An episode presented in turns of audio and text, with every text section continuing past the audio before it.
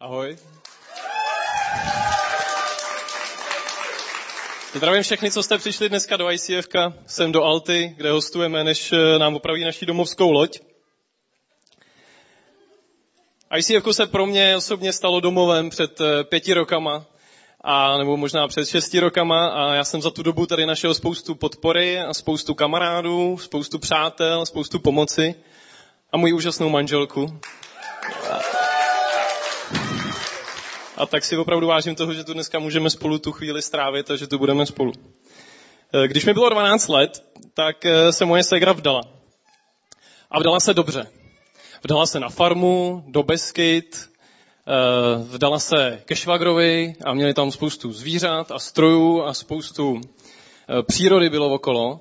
A já jsem postupem času zjistil, že to je místo, kam můžu docela dobře utíkat na prázdniny. A takže jsem střední školu, prázdniny a vysokou školu často trávil u Segry na Moravě.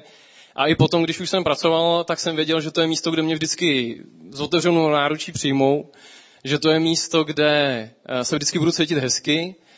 A tak jsem to využíval tím způsobem, že jsem tam tak trochu utíkal. Když už toho prostě bylo v té Praze moc, když už se to valilo ze všech možných stran a když už toho v práci bylo hodně a když už všechny věci, které jsem se kouknul okolo sebe, byly napnutý a napjatý, tak jsem se zbalil a odjel jsem k ségře.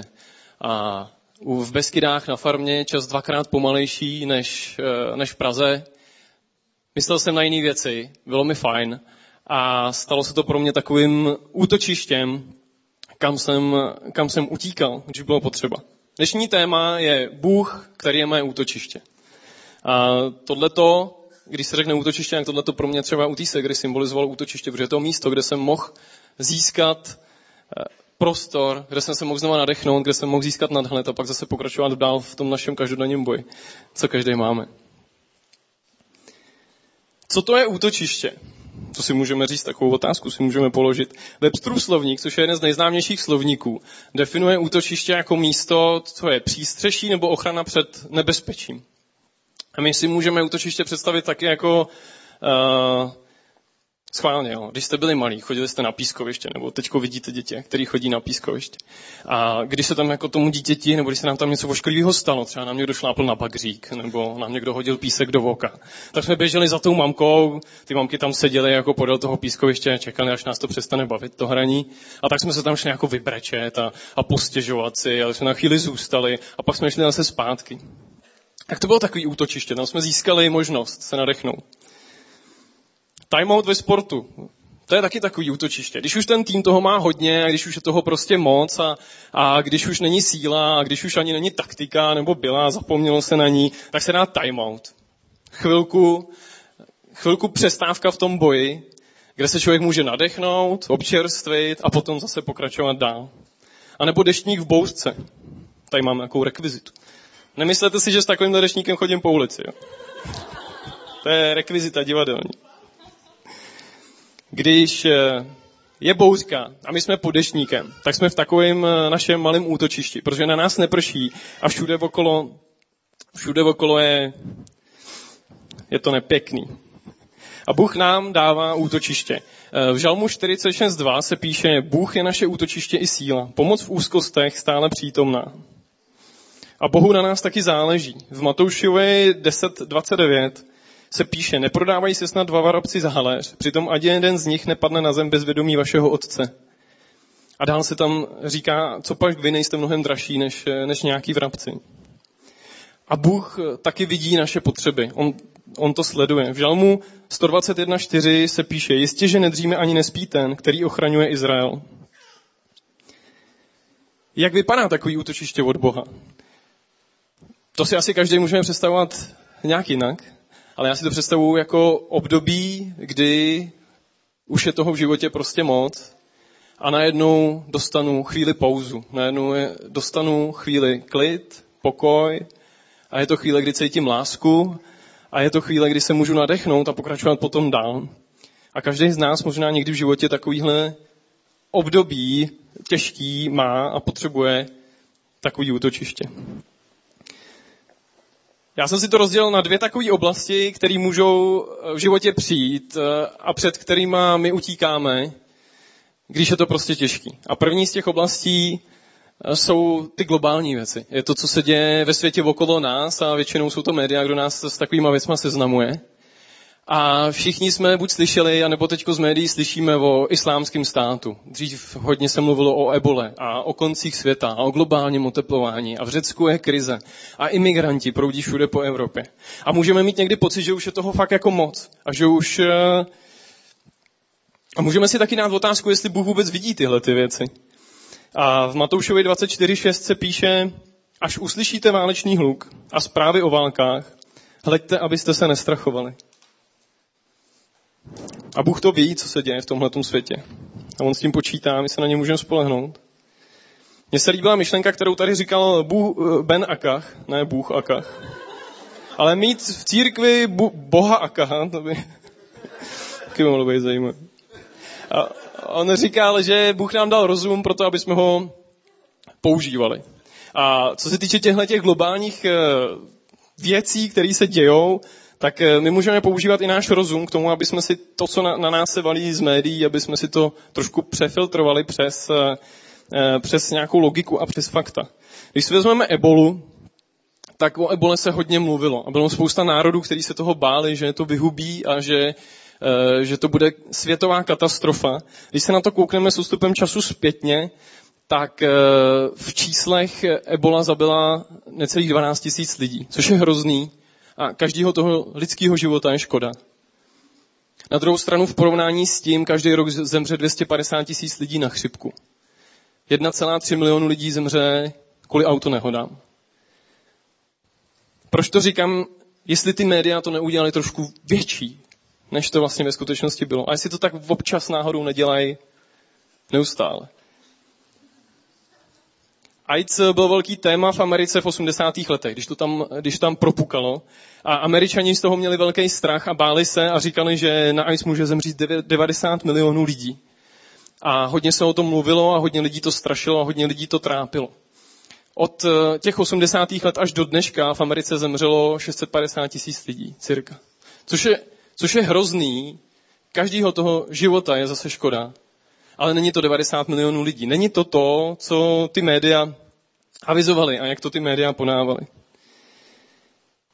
Konec světa, to je další, další velký téma. Možná trošku zábavnější než ty předchozí, protože to často se nám možná daří brát s nadhledem. My tady máme slide s výčtem konců světa.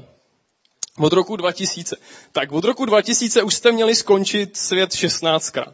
Z toho, z toho jenom v roce 2000 to mělo skončit hned ze sedmi důvodů. Zatím se to nepovedlo, ale ještě máme výhled a média nás upozorňují na to, že ještě jsou další zajímavé věci, které můžou přijít. Populárně je povstání robotů, obrovský asteroid, super erupce, erupce sopky a pak nějaké ještě další epidemie ekologické kolapsy.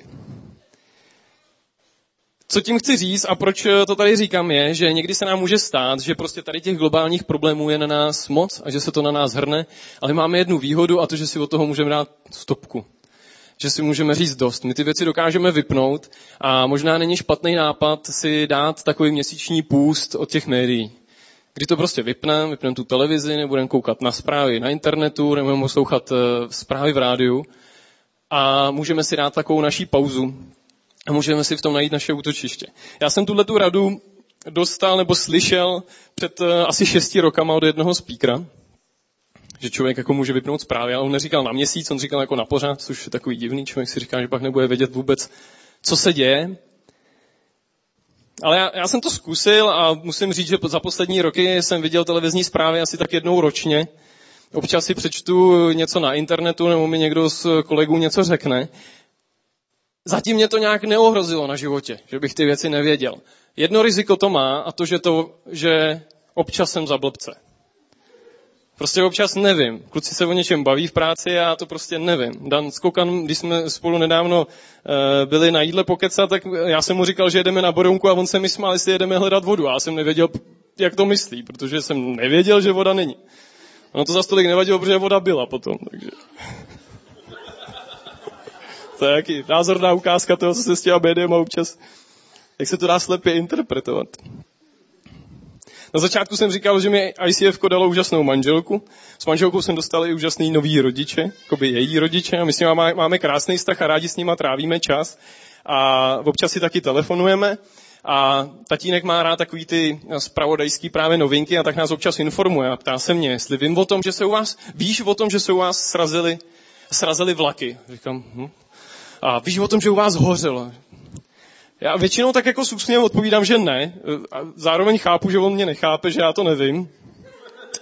Ale říkám si, okolik jako mám jednodušší život, pokud k tomu přistupuji tímhle tím, že se nemusím strachovat za tolik věcí. Stephen Covey, což je uznávaný lektor a trenér, co se týče trénování vedení a autor spousty knížek, tak eh, my možná od něj uvidíme i citát, tak on říká, proaktivní lidé soustředují své úsilí na okruh působnosti. Zabývají se věcmi, se kterými mohou něco udělat. On říká, možná je dobrý nápad zabývat se tím, s čím můžeme něco udělat. To, co je v tom našem okruhu působnosti. A s většinou těch věcí z televizních zpráv my ve skutečnosti moc toho udělat nemůžeme. A pokud jo, tak si možná můžeme vybrat jednu a s tou opravdu něco dělat. A teď nás může napadnout otázka, eh, co z toho ty média, pokud teda bychom jim dali tu nálepu, že to trošku nafukujou, co z toho mají. Já tu mám jeden slide. Tam můžeme zkusit vypátrat, co z toho mají. Uprostřed, to je z portálu televize Nova.cz. Uprostřed končíme svět, jo, zkáza se blíží. A když budeme pozorně sledovat, tak najdeme hnedka několik míst, kde je reklama. Oni nejsou tak špatně vidět, oni jsou docela dobře vidět. Jestli ono náhodou ty média z toho nemají peníze, když nás takhle hodně straší. Ale my můžeme udělat to, co už jsem říkal. My si můžeme dát od těch médií, od těchto těch zpráv, které nás můžou strašit, zahlcovat. My si od nich můžeme dát prostě pauzu odejít z toho tlaku někam jinam, někam pryč. Druhá věc, která v nás může vyvolávat tlak a, tlak a potřebu někam utéct, jsou naše osobní věci. A přece jenom ty naše osobní věci, i když jsou z globálního hlediska menší, tak pro nás jsou mnohem, mnohem větší, pravděpodobně. A můžou to být věci, o kterých, když přemýšlíme, tak ztratíme náladu, o kterých když přemýšlíme, tak se nám rozbuší srdce. O čem neradi vtipkujeme, když se o tom bavíme s ostatníma. To jsou takové ty věci, které nás pálí a které jsou pro nás citlivé. Já když jsem měl moji první práci, měl jsem ji rád, ale s prací přišly i nějaké komplikace. A to jsem odhalil až postupem času a zjistil jsem, že vlastně každý měsíc, skoro a někdy častěji, mě čeká vyjednávání o penězích. Jestli ty peníze dostanu, jestli je dostanu všechny, jestli je dostanu část, kdy je dostanu, jestli je dostanu, jak mám, to se většinou nedělo, tak, tak kdy to teda bude. A ještě do toho vyjednávání vůbec o podmínkách. Hele, my chceme, abys tady byl, ale víš, nám by se hodilo, kdyby to bylo takhle a takhle. A já jsem se dostal do ohromného tlaku a musel jsem neustále vymýšlet nějakou obranu, abych vůbec dokázal existovat v té práci tak, jak jsem potřeboval tam existovat, jak jsem si myslel, že to je, že to je férový. Takže jsem se třeba i několik dní připravoval na to jednání vždycky se šéfem a psal jsem si poznámky a pro a proti a všechno možný. A z poznámek jsem dělal menší poznámky a pak jsem tam vynervovaný šel. Pro někoho z nás to nemusí být práce, můžou to být vztahy. Možná máme vztah, který je pro nás neustálá bitva.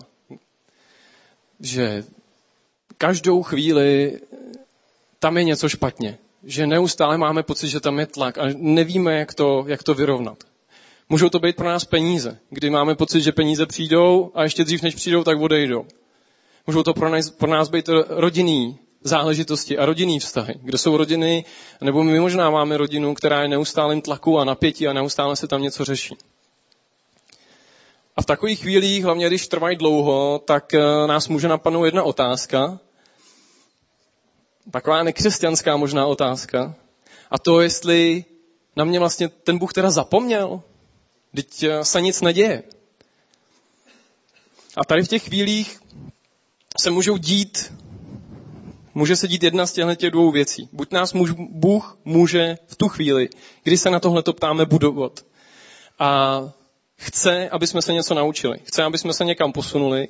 Chce, aby jsme měli nějakou novou znalost a novou schopnost. A druhá věc, co se může dít, je, že nás Bůh možná vychovává. Možná se na nás kouká a chce něco změnit. Chce, aby jsme něco začali dělat jinak, aby jsme, aby jsme začali přemýšlet jinak, aby jsme se někam posunuli, aby jsme se někom, někam hnali, eh, hnuli.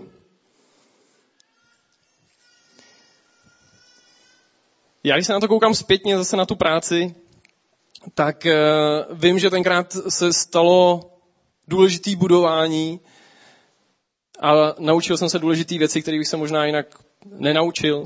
I když to bylo těžký. Já jsem místo v oběda často chodil s rohlíkem a s jabkem do parku a chodil jsem tam a modlil jsem se a říkal jsem, bože, mám, jako mám já tohle zapotřebí a proč prostě neustále musím něco vyjednat, proč to musí být těžký. Ale uvědomuji si, že Bůh mě vždycky podržel, že Bůh mě vždycky Vždycky se to nějak nakonec zvládlo. Nikdy jsem nepřišel do práce a nepraštil jsem tam s věcma a s brekem jsem neodešel. Nikdy jsem nedělal to potom, že jsem do té práce přestal chodit, aniž bych někomu dal vědět. Vždycky se to teda nějak, když to bylo těžký, prošlo. A já věřím tomu, že se to nějak prošlo díky Bohu. A taky hlavně vidím, že se tam že jsem se tam naučil věci, které jsem prostě potřeboval do budoucna umět, protože takový vyjednávání a takový stresový situace mě čekali ještě hodněkrát, akorát už to nikdy potom nebylo tolik těžký, protože už jsem věděl, o co jde, věděl jsem, jak se na to připravit a už jsem tak nějak počítal s tím, nebo jsem se s tím uměl vyrovnat. To znamená, pokud, eh, pokud se na nás hrnou ty osobní věci, tak se může dít jedna, jedna ze dvou variant, a to, že buď nás Bůh buduje, anebo že nás vychovává. My se můžeme ptát buď, co se mám naučit, co mě tahle chvíle má naučit a možná to urychlím, když se to naučím nebo když to pochopím, anebo se můžeme ptát, co mám změnit. Často to možná víme, nebo nám to už vrtá hlavou, co mám změnit.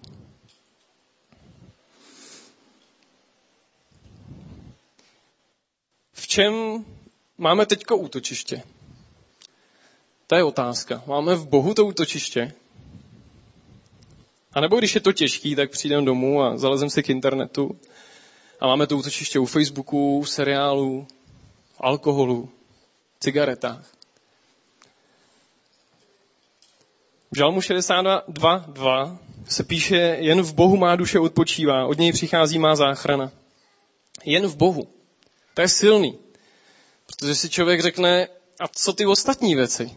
Někdy mám pocit, že, jak jsme říkali, že mám pocit, že mě Bůh neslyší. My máme s Martinkou kamarádku, která žije v zahraničí a ona měla vždycky doma těžkou situaci v rodině. Potom se k tomu přidalo to, že když už měli skoro zorganizovanou svatbu s přítelem, s věřícím přítelem, tak se ten vztah rozpadnul a svatba nebyla. A teď v jejich necelých 30 letech jí doktoři řekli v nemocnici, že vlastně nemůže vědět a nemůže počítat s tím, jak to s ní bude za 10 nebo za 20 let. A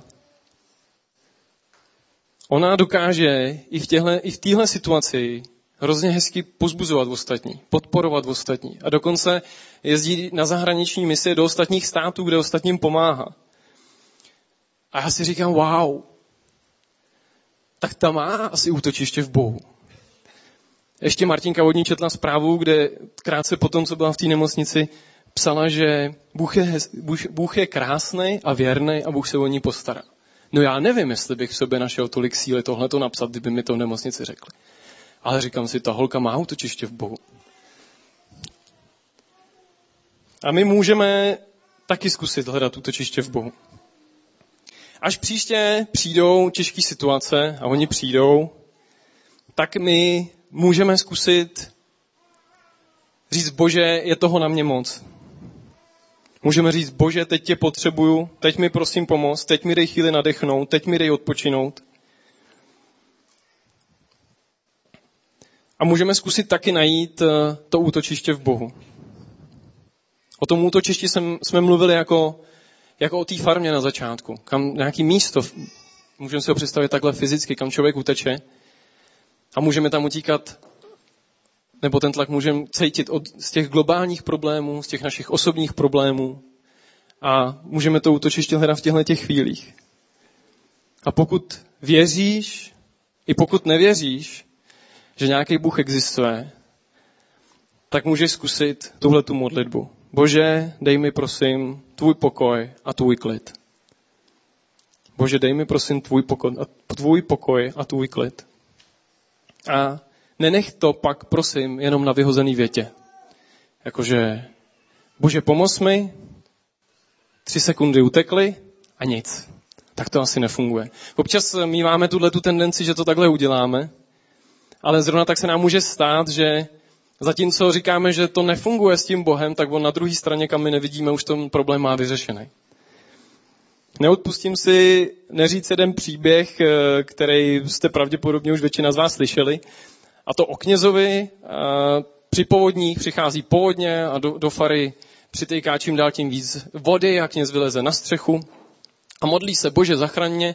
Pak přijedou záchranáři na člunu a říkají, otče, naskočte k nám do člunu, my vás zachráníme. A říká, ne, ne, ne, já jsem se modlil k Bohu a mě zachrání Bůh. Pak jde kolem záchranářská loď a zase ho chtějí zachránit. Říká, ne, ne, ne, mě zachrání Bůh. A už se smívá, voda stoupá, on už má vodu po kolena. A letí kolem vrtulník záchranářský a říká, otče, eh, my vás zachrání. A říká, ne, ne, ne, mě zachrání Bůh. No a pak voda stoupá dál a kněz umře a přijde do nebe, trochu překvapený a asi trochu smutný. A říká Bohu, jak to, že jsem umřel? Jsem, já jsem ti věřil, já jsem ti dal celý život a svěřil jsem ti tu moji záchranu, tak co se stalo? A Bůh mu říká, ty jsi mi věřil, ty jsi, mi modl, ty jsi se ke mně modlil a já jsem ti tam taky poslal dva záchranářské čluny a ještě helikoptéru. Takže můžeme se, můžeme se i tohleto vzít sami pro sebe, jestli se někdy náhodou neděje to, že vlastně máme pocit, že uh, Bůh nic nedělá a zároveň můžeme přehlížet něco, co už, co už udělal. Jedna věc, a to se blížíme ke konci, a to je asi poslední věc, teda, o který si budeme povídat, je, eh, co mi ještě pomáhá, když je to opravdu těžký. A věřím tomu, že víc z nás tím takhle pracuje a mě pomáhá ta věc, že znám nějaký kousek z Bible, nějakou větu, nějaký verš na spaměť a když eh, někam jedu a mám nějaký těžký jednání nebo něco těžkého přichází, tak si to říkám z paměti. Žalm 23, Hospodin je můj pastýř, anebo ten žalm 62.2, jen v Bohu má duše odpočívá. A mám tu čtyři verše, který, který si myslím, že jsou hezký a že možná můžou pro nás eh, být takovýhle, takovýhle útočiště. Můžeš se na to podívat, můžeš si zkusit třeba jeden z těch veršů vybrat a můžeš eh, si příští týden ho párkrát přečíst a zkusit si ho říct si z paměti a může to být pro tebe právě taková věc z písma z Bible, která ti dá nadhled a dá ti, eh, dá ti uklidnění v těch tvých situacích. V Židům 13.5 se píše, nikdy tě neopustím a nikdy se tě nezřeknu. V 1. Petrově 5.7 se píše, všechnu svou starost svěřte jemu, vždyť jemu na vás záleží. Ve Filipským 4.13 se píše, všechno mohu v Kristu, který mě posiluje, který mi dává sílu. 2. Timotejovi 1.7. Bůh nám nedal ducha strachu, ale ducha síly, lásky a rozvahy. Takže jestli jste dobře počítali, jak tu máme dvě takové výzvy, dvě takové challenge. Až to přijde a bude to těžký, tak můžeme říct, bože, dej mi tvůj pokoj a tvůj klid. A můžeme si říct jeden z těch veršů, klidně několikrát. Všechno mohu v Kristu, který mě dává sílu, který mě posiluje. Já se teď budu modlit. Na závěr budu se modlit ty čtyři verše, které jsme tady teď nakonec četli. A přeju vám, ať najdete to své útočiště v Bohu. Ježíši, já ti děkuju, že nás nikdy neopustíš, a že se nás nikdy nezřekneš. Děkuji ti, že můžeme všechnu svoji starost věřit tobě a že tobě na nás záleží. Děkuji ti, Ježíši, že v tobě můžeme všechno a že nám dáváš sílu, že nás posiluješ. A děkuji ti, že jsi nám nedal ducha strachu, a ducha síly, lásky a rozvahy. Amen.